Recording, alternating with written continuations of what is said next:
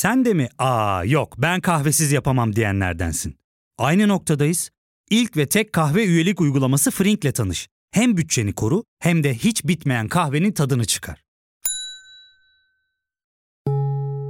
Yakınlarından terapinin onlara ne kadar iyi geldiğini dinlesen de kendin için bir şeylere başlamak zor geliyor olabilir. Ya da sevdiklerine yardım etmeye istekliyken kendi ihtiyaçlarını görebilmek. Hayvel, uzman psikologlarıyla kendi ihtiyaçlarını bulmanda sana destek olacak. Terapi yolculuğuna başlamak için detaylı bilgi bölümün açıklamalarında. Geride kalan haftalardan bu yana Ankara merkez olmak üzere 29 ilde tam 95 şirkete yönelik mali bir operasyon yürütülüyor. Demir Yumruk Operasyonu. Operasyon hedefindeki sektör adından da anlayacağınız üzere Türkiye'nin en önemli sektörlerinden. Demir çelikten bahsediyoruz. Operasyon kapsamında yüzlerce fabrikaya ve eve baskın yapıldı. Baskın yapılan her yerden tomar tomar para fışkırıyordu. Ele geçirilen belgeler demir çelik sektöründe etkili 3 suç örgütünün fabrikaları zorla ele geçirdiğini ve naylon fatura ile kamuyu dolandırdığını işaret ediyordu. 105 milyar liralık sahte fatura kesilmiş ve kamu 25 milyar lira zarara uğratılmıştı. Sadece bu değil, kamu zararının yanı sıra sektör hem de stratejik bir sektör gayrimeşru bir çetenin kontrolü altına girmişti. Demir Yumruk operasyonu ile birlikte Türkiye kamuoyunun gündeminde kimilerinin 90'lardan bu yana tanıdığı ama pek çok insanın adına aşina olmadığı bir isim de dolaşıma girdi. Erol Evcil. Bu kişi mevzu bahis suç örgütünün elebaşlarından ve 4 Temmuz tarihinde tutuklandı. Bu bölümde Erol Evcil'in kim olduğuna, demir yumruk operasyonuna ve Türkiye'nin 90'lardan bu yana varlığını koruyan yeraltı dünyasının bazı aktörlerine bir başlık açacağız. Bölüm boyunca konuğum gazeteci yazar Bahadır Özgür olacak. Bu konuyla yakından ilgileniyor. Aynı zamanda onu Bir Gün Gazetesi'ndeki yazılarından takip ediyor olabilirsiniz. Sizi Podbi stüdyosunda Bahadır Özgür'le yaptığımız söyleşiye götüreceğim. Ben Ozan Gündoğdu hadi başlayalım.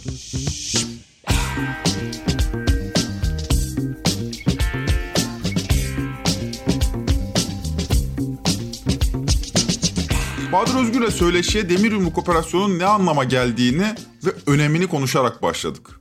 Dilerseniz gelin operasyonun kapsamını Bahadır Özgür'den dinleyerek başlayalım. Bu operasyon demirçilik sektörünü ilgilendiren bir operasyon. Demirçilik sektöründe 3 ayrı suç örgütünün sahte fatura, fabrikaları zorla ele geçirme, devleti dolandırma ve henüz ortaya çıkmasa da kara para aklama gibi suçlamalarıyla 10 aydır devam eden bir takip sonucu bir operasyon yapıldı. İlk dalgada 300 küsür kişi alındı. 14'ü demir çelik işletmesi ve fabrikası olmak üzere 95 şirkete baskın yapıldı. 4 tır dolusu evrak ortaya çıkartıldı. Kamunun da naylon faturadan yani sahte faturadan 25 milyar lira zarara uğratıldığı iddia ediliyor. Şimdilik çıkan tablo bu. Dolayısıyla şöyle bir önemi var. Türkiye'de yaklaşık 20 yıldır yapılmış en büyük operasyon. İki özelliği var. Neyle karşılaştırırsın? Hangi operasyonla Bunu karşılaştırırsın? şöyle karşılaştırabiliriz. 90'lı yılların ortasından 2000'li yıllara kadar sürmüş o dönemde tekstil sektörünü merkez alan, merkezinde tekstil sektörü bulunan ama bir takım bankaların Türkiye'nin çok büyük şirketlerinin de karıştığı bir naylon fatura ve kara para davası vardı. Adı Örümcek Ağı davasıydı. 99'da başlamıştı. Yargılamaları 2008'e kadar sürdü. Çok az kişi ceza aldı çünkü yasalar değiştirilmişti o dönem. Onunla kıyasladığım zaman adı da Örümcek Ağı'ydı. 200 küsür şirket incelenmişti. Ondan sonra en büyük operasyon bu. Bunun şu özelliği var. Biz Türkiye'de son zamanlarda neler tartışıyoruz? Mesela uyuşturucu diyoruz, kara para diyoruz. Daha çok suç ekonomisini ilgilendiren alanları ama neredeyse ilk defa uzun yıllar sonra Türkiye'nin aslında Cumhuriyet'in kuruluş harcı sayılan Hı. demir çelik bizim ana sektörümüzdür. Dünyada yedinci sırada Türkiye. Üretimi 40 milyon tonu buluyor. Altyapısı yani üretim kapasitesi 50 milyon ton. Şu an incelenen şirketlerin toplamı 4 milyon ton kapasiteye sahip. Yani demir çelik sektörünün yüzde onunu ilgilendiren, böylesine stratejik bir sektörü ilgilendiren bir çete, mafya, naylon fatura davasıyla karşı karşıyayız. Dolayısıyla önemli, çok önemli bir konu bu. O zaman şöyle bir tuhaf durumla karşı karşıyayız. Demir çelik sektörü gibi son derece önemli bir sektörün yüzde onu evet. bir çete tarafından ele geçirilmiş. Evet. Fakat bu bize anlatan hikayeye göre yeni fark edilmiş. Aslında yeni değil. Yaklaşık 20 yıldır süren bir hikaye. Şimdi senin sorunu cevaplamaya Hı. çalışayım. Burada önemli olan bir kişi var. Erol Evcil. Evet. Biz Erol Evcil'i e, Türkiye'de susurluk dönemi denilen 90-2000 yılları arasında yaşanmış aslında kontrgerilla cinayetlerinin, aydın cinayetlerinden, suikastlerden, bankaların içinin boşaltılmasına, yolsuzluklardan hatta pek çok kaset, dinleme skandallarından yani siyasetçi, pek çok siyasetçiyi ilgilendiren, hükümet düşürmüş skandallardan hatırladığımız dönemin en önemli aktörü. Şimdi o dönem için saydığımız zaman Mehmet Ağar akla gelir, Korkut Eken gelir, Alaaddin Çakıcı gelir, Sedat Peker gelir, yanına Erol Evcili yazarsınız. Yani susurluk hatırası fotoğrafı kimlerden oluşur derseniz burada eksik olan Erol Evcil'di şimdi o da girmiş oldu 20 yıl sonra hayatımıza. Neden önemli? Biz nereden tanıyoruz Erol Evcil'i? Aslında Erol Evcil 80'li yılların sonunda 86'da bir turizm firmasının sahibiydi küçük. Daha sonra 97'de Türkiye'nin en büyük özel bankalarından birisinden aldığı krediyle kurduğu Eze Zeytincilikle gündeme geldi. Gazetelerde zeytin kralı olarak haberler yapıldı. O dönem daha sonra suçları ortaya çıkan kişiler magazinlerde bol bol görünürdü, futbol dünyasına görünürdü, televizyonlarda görülürdü. Yani yaşamları da özendirecek şekilde o lüks yaşamları gündeme gelirdi. Erol Evcil ilk defa böyle manşet olmuştu. Zeytin kralı. Bütün Balkanlara, dünya işte Avrupa'ya zeytin ihraç edecek bir kişi olarak. Halbuki ondan sonra onun gündeme gelmesinin nedeni şuydu. O dönemin meşhur bir tefecisi vardı. Nesim Malki. Nesim Malki'nin özelliği şuydu. E, aslında bir tekstilci, iplik tüccarı ama herkes piyasada bilirdi ki ekonomide para satıyor yüksek faizle ve çoğu kişinin borcunun olduğu bir isimdi. Nesim Malkin adları şuna çok uzun uzun anlatmadan kısaca geçeyim. Mesela Sümer Bank özelleştirmesinde de gördük. işte bir başka banka kredisinde de gördük. Zaman zaman gazetelerde başka gruplarla çatışmasında ya da çekişmesinde de gördük. Nesim Malki 1995 yılında öldürüldü bu cinayetin azmettiricisi olarak yani bu cinayeti organize eden kişi olarak Erol Evcil ön plana çıktı. O dönemki soruşturmalarda da telefon dinlemelerinde de bu kanıtlandı. Erol Evcil'in Alaaddin Çakıcı ile beraber Türkiye'nin en büyük tefecisini öldürdüğü resmi raporlarda, mahkeme tutanaklarında ve basında o dönem yer aldı. Şimdi şeyde 2000'li yıllarda bankacılık sektörü çok kurumsallaşınca Türkiye'de 2001 reformlarıyla beraber tefeci. tefeci deyince böyle küçük ölçekli bir şey zannediyoruz ama 80'li 90'lı yıllarda bu sektör bu kadar kurumsal değilken çok büyük ölçekli paralar satıyorlar. Tabii şöyle benzeteyim ben. Bugün yasal olarak varlık yönetim şirketleri vardır. Mesela Sezgin Baran Korkmaz olayında ne gördük biz? Zor duruma düşen şirketler bankalara borcu var bankalar bu borçları belli dönemlerde toplu olarak paket halde satışa çıkartır. 100 milyonluk borcu mesela 10 milyona satar. Varlık yönetim şirketleri bunları toplar, tahsilat başlar. O dönem tefecilerde bir nevi varlık yönetim şirketi gibi bankalardan kredi mekanizması çok dar olduğu için herkes alamadığı için para dağıtıyordu ve bu şirkette zor duruma düşen şirketlere çok faiz faizler olduğu için bugünkü tabirle çökülüyordu. Yani mafya devreye giriyor tahsilat yapmıyorlar. Aslında şirketin ele geçiriyorlardı. O dönem Nesim e, Malki böyle bir işlev görüyordu. Ama o dönem şöyle öğrendik ki Erol Evcil ve onun etrafına örülü ilişkide olduğu suç ağı meğer 90'lı yıllar boyunca pek çok özelleşme ihalesinde, banka kredilerinde çok önemli bir şey. Çok yüksek kredi almada o krediler batıktır hepsi. Başka şirketlere çökme de hep rol oynamış. O susurluk döneminde kilit isimlerinden birisiydi Evcil. Biz buradan tanıyoruz. Bu haliyle mesela Nesim Malki öldürüldükten sonra Nesim Malki'nin alacakları dolayısıyla suya düşmüş oluyor. Çünkü büyük ölçüde yasal alacaklar değil ve ona borçlu olanları çok sevindiren bir gelişme. Nesim Malki'nin. acaba? Öyle mi? Şimdi bu suç dünyasında bu tür olaylar çıktığı zaman bir şeye bakmamız lazım. Demek ki bir hesaplaşma yaşanıyor. Ama bu hesaplaşma insanların birbirine yan baktığı için, kötü düşündüğü için değil. Ortada büyük bir para havuzları oluşuyor giderek birikiyor. Bu para havuzlarının el değiştirme dönemlerinde biz bu tür cinayetlere, operasyonlara tanık oluyoruz. Türkiye'nin geçmişinden beri. Yani o dönem Nesim Malk'in öldürülmesi demek Nesim Malki ve etrafında birikmiş para havuzunun el değiştirmesi demekti. O davayı yürüten devlet görevlilerinin raporlarına yansıyan şöyle bir cümle vardır. Nesim Malki öldürüldükten sonra bir gecede 700 milyon dolar el değiştirdi diye. Şimdi bu ne demek? Başka bir siyasi iktisadi, çete gücü olan başka bir ekibe geçti demek. Erol Evcil böyle bir isimiz böyle. Yalnız şunu belirteyim. Erol Evcil hayatımızdan çıkmadı hiç. Ha, hapse girmedi mi bu olaydan sonra? Önce asker kaçağı olduğu için hapse girdi. Daha sonra bu Nesim Maki cinayetiyle ilgili yargılandı. 2000 yılında ceza aldı. Cezanın onaylanması uzun sürdü. Ama bu arada bu başka işler de yapmaya başladı. İşte bugün karşılaştığımız, karşımıza çıkan demir çelik fabrikalarına çökme hikayesi daha Malki cinayetinden yargılanırken başlamış bir olay. Yani 2002'de AKP iktidarı geldikten sonra da süren bir olaydan bahsediyoruz. O dönem evcil basında kamuoyunda böyle işlerle gündeme geldiği sıralarda bir demir çelik şirketini ele geçirdi İzmir'de. Ali Ağa'da. Nasıl ele, geçiriyor? Ele geçirme Çöküyor. nasıl oluyor? Hemen söyleyelim. Özellikle kriz dönemlerinde bazı şirketler mali durumları bozulduğu zaman, bankalardan da kredi alamadığı zaman bu tür isimler bir finansör olarak devreye girer. Belli hisseleri devredersiniz. Şimdi Erol Evcil'in bütün hani fabrikalara çöktü denilen bütün fabrikaların dava dosyalarını ya da iddiaları incelediğimiz zaman şu ortaya çıkıyor. Bu şirketler aslında köklü şirketler. 70 hatta bir tanesi Türkiye'nin ilk özel sektör demir çelik fabrikalarındandır. Marshall yardımıyla kurulmuş. Adnan 1950'lerde yani. 55'te. Adnan Menderes açılışını yapmıştır şirket. Bir tanesi de bu. Yani kağıt üzerinde şirketler olarak görmeyelim bunları. Bu şirketler 2000'li yıllarda, 2009'da daha sonra bir şekilde mali zorluğa düştüğü zaman bir takım isimler devreye giriyor yasal olarak. Yani finans desteği için.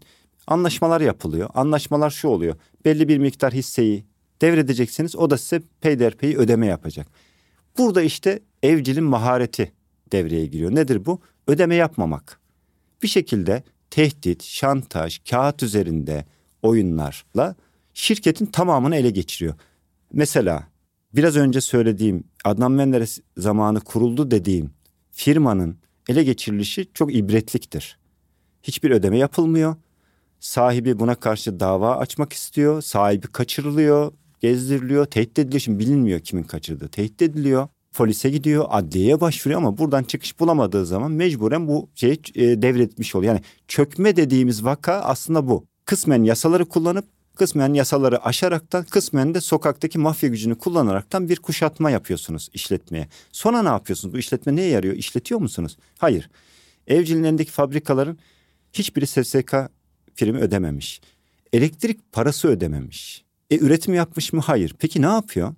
İşte bugünkü operasyonun konusu. Naylon fatura, sahte çekler, banka kredileri çekip o kredileri batık kredi haline getirme yani servete dönüştürüyorsunuz. Firmanın işleyişine katmıyorsunuz. Hatta en sonunda fabrikanın içindeki makineleri satıyorsunuz. Bakır kabloları dahi eritip satıyorsunuz ki bu bir davada vardır İzmir'deki bir davada. Yani demirçilikteki ev operasyon evcil ayağı ne derseniz 2002'den başlayıp bugüne kadar devam eden yaklaşık 6 fabrikaya bu şekilde çökme hikayesidir. Bu fabrikaların bir kısmı borcundan dolayı devlet el koymuş, TMSF tarafından ihaleye çıkartılmış, buralardan alınmış. Bir kısmı sahipleri tarafından hissenin bir kısmı devredelim demiş. Evcil işte dediğim yöntemden çökmüş. Yani böyle bir 20 yıllık bir hikayeyle karşı karşıyayız. Abi şöyle tuhaf bir durum var. 98 yılındaki bir cinayet. Ardından Eze zeytincilik üzerinden bir dolandırıcı hikayesi. Zeytin kralı diye anılıyorsunuz. Bir cinayetten soruşturuluyorsunuz. Bu esnada attığınız adamın takip ediliyor olması lazım. Yani bilinmeyen bir vaka değildir sonuç itibariyle Erol evet. Evcil'in bu faaliyetleri? Hiç, hiç yorum yapmadan direkt belgesinden söyleyeyim ben. Hı hı. 2004 yılında yani Evcil'in ilk fabrikaya çökmeye başladığı ve o süreç devam ederken Emniyet Genel Müdürlüğü Kaçakçılık ve Organize Suçlar Mücadele Dairesi Başkanı o zaman şimdi emekli olan Hanefi Avcı televizyonlarda görüyordur dinleyiciler çok sık. Hanefi Avcı bir istihbarat raporu yazıyor. Diyor ki Evcil Alaaddin Çakıcı ile birlikte yeni bir suç örgütü oluşturdu bu suç örgütünün yeni hedefi demir çelik. Çünkü demir çelikte nakit akışı yoğun. Buradaki parayı paylaşmak istiyorlar diyor. Ve tek tek olayları anlatmaya başlıyor. Bakın bu, bu böyle soyut değil. İzmir'de şu fabrikaya şöyle çöktüler. Sonra gittiler Sivas'ta şu fabrikaya böyle yaptılar. Yani tek tek bugün operasyon konusu olan fabrikaları 2004'te yazmaya başlıyor. Hatta o istihbarat raporunda şu deniyor. İzmir'deki bir fabrikanın sahibi 5 yıldır kayıp. 5 yıl sonra kemikleri bulunuyor bir ormanda. O rapor yazıldıktan 5 yıl sonra kemikleri bulunuyor. Halbuki rapor yazıldığı zaman deniyor ki muhtemelen öldürüldü diyor. Yani muhtemelen öldürüldü diyor. Şimdi bir kere böyle bir istihbarat raporu var. Bu istihbarat raporuna dayalı olarak evcile yönelik bir takım kara para soruşturmaları ve operasyonları var. Davalar açılıyor, soruşturmalar açılıyor. Aynı zamanda bu çelik şirketlerinin hissedarı ailelerin Cumhurbaşkanı Erdoğan'a iki tane mektubu var. Ayrı ayrı iki fabrikanın sahibi. Ve ikisi de şunu söylüyor. Bizi mafyadan kurtarın. Şimdi bu Türkiye'de dolayısıyla olan biten gizli saklı karanlık dehlizlerde gerçekleşen bir vaka değil. Devletin raporlarına yansımış, mahkemelere yansımış, sahipleri mahkemeye gitmiş, polise başvurmuş, hatta Cumhurbaşkanına kadar ulaşmış ama buna rağmen dokunulmamış. Bugüne kadar gelmiş. Ya fark ettin mi? Biz en çok kahveye para harcıyoruz. Yok abi, bundan sonra günde bir. Aa, sen Frink kullanmıyor musun? Nasıl yani? Yani kahvenden kısmına gerek yok. Frink'e üye olursan aylık sadece 1200 TL'ye istediğin çeşit kahveyi istediğin kadar içebilirsin. Günlük 40 TL'ye sınırsız kahve mi yani? Çok iyiymiş. Aynen. Hatta şu anda 200 TL'lik bir indirim kodu da var. E hadi hemen indirip üye ol da bu fırsatı kaçırma. Terapiye başlamak, içinden çıkamadığın döngüleri kırmak, bazı yanlış bulduğun kararlarını değiştirmek ve kendinle beraber daha huzurlu bir yaşam inşa etmek için atabileceğin en değerli adımlardan biri. Hayvel ile yoğun yaşam tempona uyum sağlayarak online terapi seanslarını takvimine göre ayarlayabilirsin. Bini aşkın uzmandan sana en uygun terapisti seçebilir, PodB10 koduyla indirimden yararlanabilirsin. Detaylı bilgi açıklamalardaki bağlantıda. Şimdi popüler bir soru olacak. Bu soruyu erteleyecek şekilde soruyorum. Söz konusu bu gruba niye dokunulamıyor? Şimdi bu soru cepte kalsın. Bu kişiler şimdi susurluk dönemi olarak adlandırdığın 90'lı yıllarda Alaaddin Çakıcı, Mehmet Ağar, Erol Evcil işte Korkut Eken vesaire bunlar zaten Bodrum Yalıkavakman'a da bir fotoğraf çektirmişti. Yanılmıyorsam Erol Evcil yoktu orada. Yani ama geri kalan ekip zaten burada. Şimdi Sedat Peker de devrede. 86 yılında bir basit bir turizmciden bahsediyoruz. Peki bunun daha öncesinde nerede yetişti bu adamlar? Türkiye'de belki şu çok kafa karıştırıyor. Biz gazeteciler de aslında hani tabii ki olayı detaylandırmak için onunla bağlantı küçük küçük olayları da gündeme getiriyoruz ama bakarken bir süreklilik olduğunu ihmal etmek lazım ilk. İkincisi Türkiye'de suç dünyasıyla legal yasal dünyanın birbirinin ayrı olduğunu düşünmemek lazım. Suçluların gücüyle siyasal gücün ayrı olduğunu düşünmemek lazım. En önemli şey şudur. Yasal ekonomiyle illegal ekonomi her zaman iç içedir. Bu dediğin çok önemli sanırım. Özellikle Türkiye'de yani geçmişten beri gelir ama mesela Uğur Mumcu niye önemli gazetecidir? Türkiye'de ilk defa yasal olanı yasa dışı olanı, yasal ekonomiyle yasa dışı ekonomiyi, mafya gücüyle siyasal gücün nasıl iç içe geçtiğini artık birbirinden kopmayacak şekilde nasıl simbiyotik bir yaşam haline geldiğini yani aynı habitattan beslendiğini, birbirlerini nasıl e, güçlendirdiklerini ortaya koyan formüle eden ilk gazetecidir. Şimdi biz neden devamının ismini aldık? Çünkü bu ilk defa bunu formüle etmiş, koymuş, kanıtlamış bir gazeteci. Ne zaman? 70'lerde. Daha 70'lerde Abdi İpekçi cinayetiyle başlayan süreci incelediği zaman Türkiye'de bir ucu bir sermaye gruplarına ulaşan, bir ucu siyasete ulaşan, bir ucu askeriyeye ulaşan, emniyete ulaşan bir ve uluslararası ilişkilere ulaşan bir ağ koyabildi. Ve dedi ki bunun adına aslında Türkiye'de 12 Mart'la birlikte oluşan devlet yapısı bu. Maalesef bu dedi. Bizim bundan kurtulmamız lazım. Yani bizim sadece hükümet değiştirerek bir şey kurtulamıyoruz. Suçu yaratan iklimi değiştirmemiz lazım. Şimdi 12 Eylül derler 12 Mart'a kadar götürmekte 12 Mart'tır. fayda var. 12 Mart 12 Eylül sonra işte devamı yani kesintisiz geliyor çünkü. Baktığım zaman bu isimler 70'lerli yıllarda da var. Ve belli bir ideolojik kültürel dönemin ürünü. Nedir bu? İşte o soğuk savaş derler. Mesela komanda kampları, ülkücüler derler. işte antikomünizm mücadelesi derler. Baktığımız zaman Erol Evcil'den Alaaddin Çakıcı'ya kadar. Susurluk kazasında ölen Abdullah Çatlı'ya kadar. Hepsi o dönemde genç olan ve bir şekilde bu ülkücü hareketin içinde yer almış. 80 sonrası 80'de biraz cezaevine girmiş ama 80'de mafya olarak çıkmış isimler. Yani mafya, tetikçi, işte baba, reis olarak çıkmış isimler. Dolayısıyla öyle bir kökeni var bu isimlerin. 40 yıldır aynı şekilde görmemizin nedeni de yani niye değişmiyor? Bizim aslında bu soruyu sormamız lazım. Hep eski mafyalar hükümet var. değişiyor, niye değişmiyor? İşte bu yapı dağılmıyor. Çünkü Türkiye'de şöyle bir şey var. Türkiye ekonomisinin, Türkiye kapitalizminin bir özelliği bu. Sermaye birikimi, rekabetle teknoloji yatırımıyla evet bu böyle oluşuyor ama ağırlıklı olarak Türkiye'de servet biriktirme, el koyma, kamu malı yağmalama, hazine kaynaklarını kullanma. Mesela bu dönem nedir? İnşaat ihaleleri. düne kadar olmayan şirketler bugün milyar dolar kazanan şirketler haline gelmiş. Yani dolayısıyla kamusal kaynağın nasıl yağmalandığına bakmamız lazım. Türkiye'de de 40 yıldır kamusal kaynaklar yani ülkenin ekonomik kaynakları bu yapıların devreye girdiği güçlerle, mafyatik ilişkilerle, siyasetle kurulan çıkar ilişkileriyle ve devletin kolluk gücünün dahi kullanıldığı, devlet gücünün dahi kullanıldığı bir paylaşım savaşı olarak sürüyor. Yani bir paylaşım ilişkisi olarak sürüyor. Hatta Malki cinayetinde iki polis yargılandı. Yani doğrudan tetikçinin polis olduğu söyleniyor. O tetikçi. Erol Evcil'in şirketlerin yönetimlerinde emniyet müdürleri vardı eski. Erol Evcil ve kamu bankalarından ve özel bankadan yıllarda kredi veren isimler sorgulandı ve bu kredileri hiç karşılıksız verdikleri hepsinin batık olduğu ortaya çıktı. Türkiye'nin en büyük bankasının genel müdürü Erol Evcil'e kredi yağdırmış. Ama şimdi şöyle Erol Evcil'in bu gücü nereden geliyordu? Nereden geliyordu? İşte bu siyasi ilişkilerden. O dönem niye ANAP'ın ismi karıştı? Niye DYP'nin kaçtı? Bugün AKP'nin dediğimiz zaman geldiğimiz aşamada nasıl ki suç neredeyse her suçlunun AKP'lilerle resminin, bakanlar resminin olması. Her suçlunun elini kolunu sallayarak gezmesi. Hatta şöyle söyleyeyim bırakın bizi bu işin içinde olan Sedat Peker'in kendisi söyledi. Bu rejimi birlikte kurduk dedi. Biz rejim dediğimiz zaman neye bakıyoruz? Partilerin ittifakına değil mi? Halbuki işte bu rejim dediğimiz şeyin ayaklarını aynı zamanda bu çıkar örgütleri, bu suç örgütleri de oluşturuyor. Onlar da bir iktidarın parçası olarak hareket ediyorlar.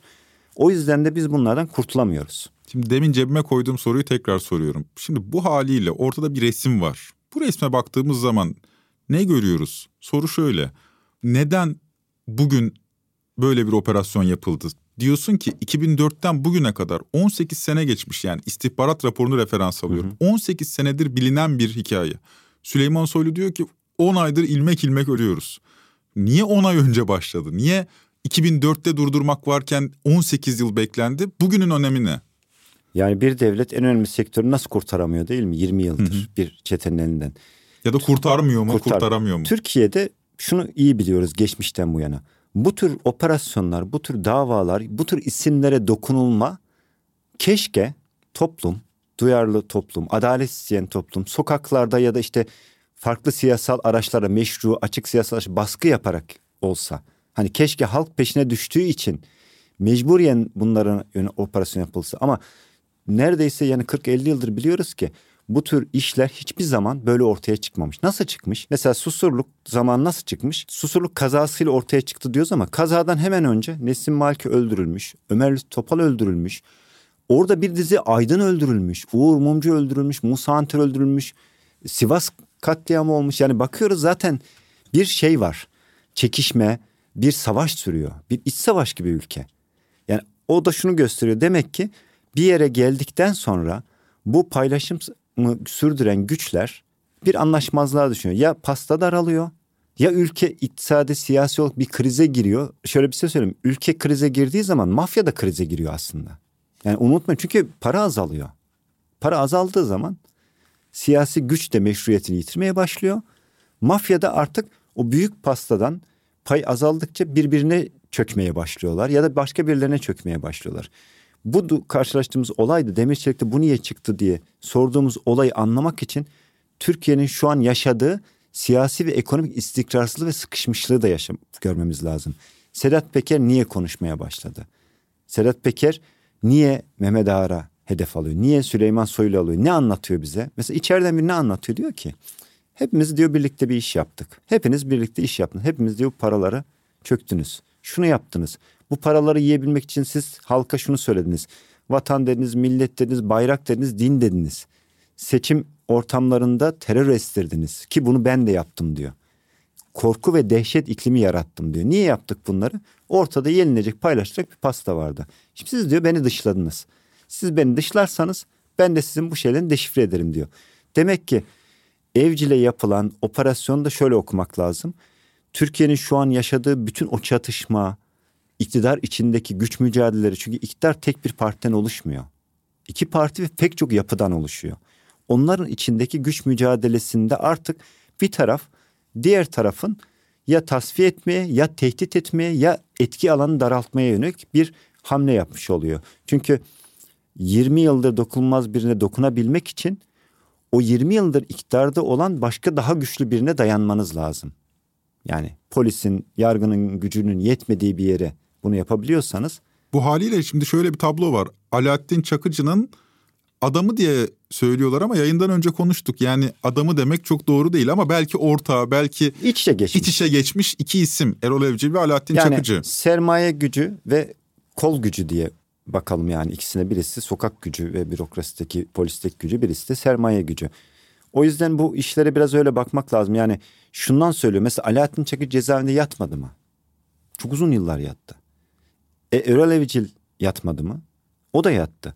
Demek ki bir takım isimleri yakalayıp tutuklayıp cezaevine koymak sorunu çözmüyor. Çünkü Evcil zeytin kralı olarak girdi. Cezaevine çelik kralı olarak çıktı daha da büyüyerek. O zaman bunun arkasında bunu yaratan iklim önemli bizim için. Bu tür soruşturmalarda sonuç çıkmamasının nedeni budur. Bunlar siyasi davadır aslında.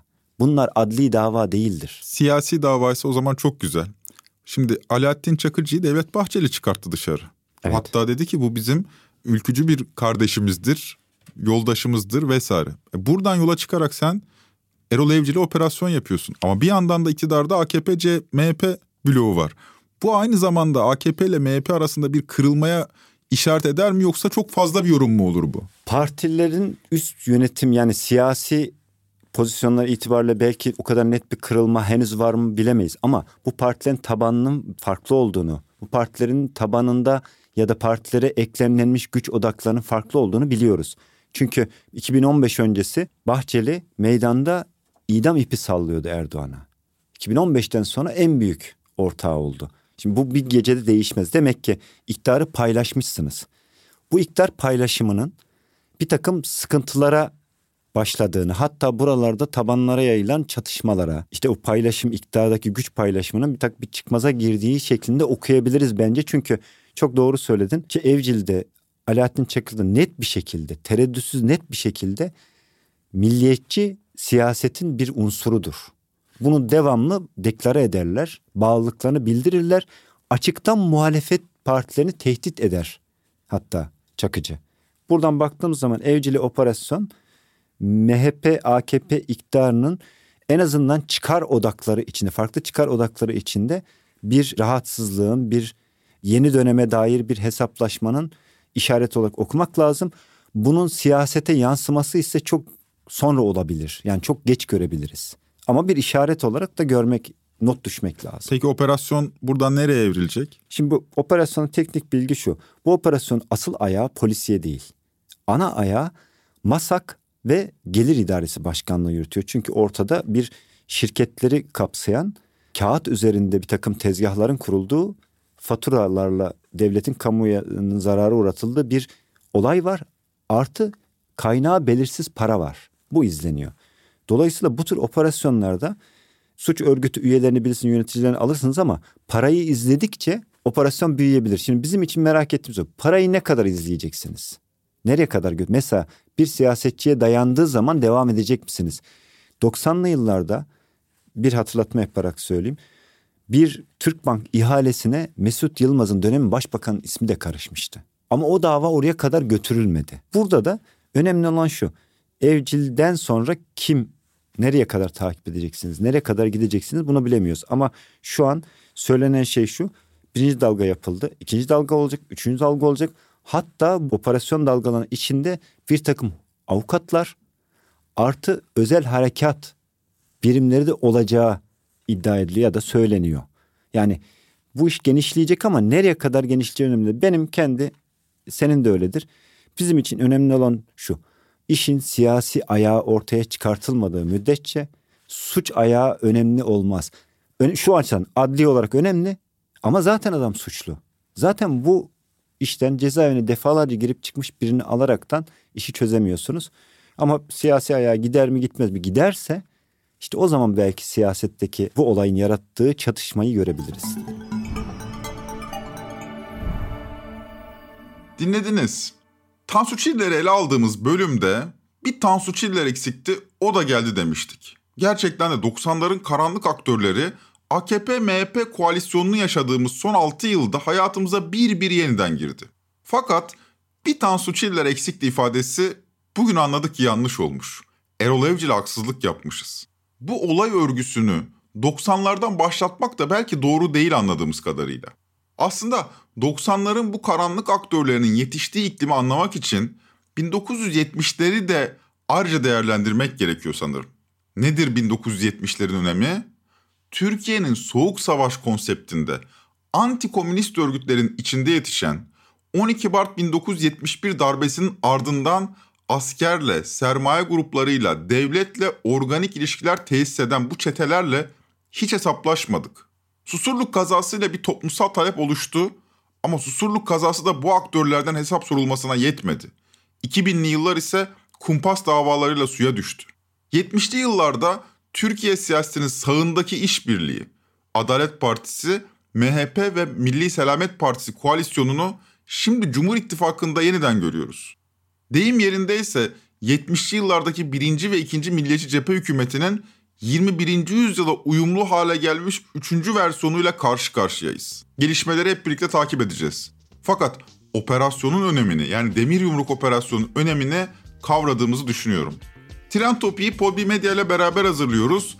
Bir sonraki bölüme kadar karanlıklar aydınlığa çıkmaz belki ama sizin içiniz hep aydınlık olsun. Hoşçakalın.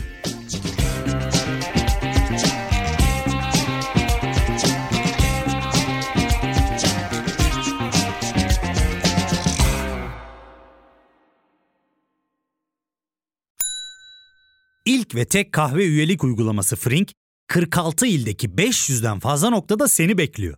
Açıklamadaki kodu girerek sana özel 200 TL'lik indirimden faydalanmayı unutma. Hadi sen de Frink üyeliğini başlat, kahven hiç bitmesin. Hem bugününe hem yarınına katacaklarıyla terapi yolculuğuna ve daha iyi hissetmeye bugün Hayvel ile başla. Açıklamadaki linkten Hayvel'i indir, ücretsiz tanışma görüşmelerinin ardından bütçene uygun seans paketini seç ve terapi yolculuğuna başla.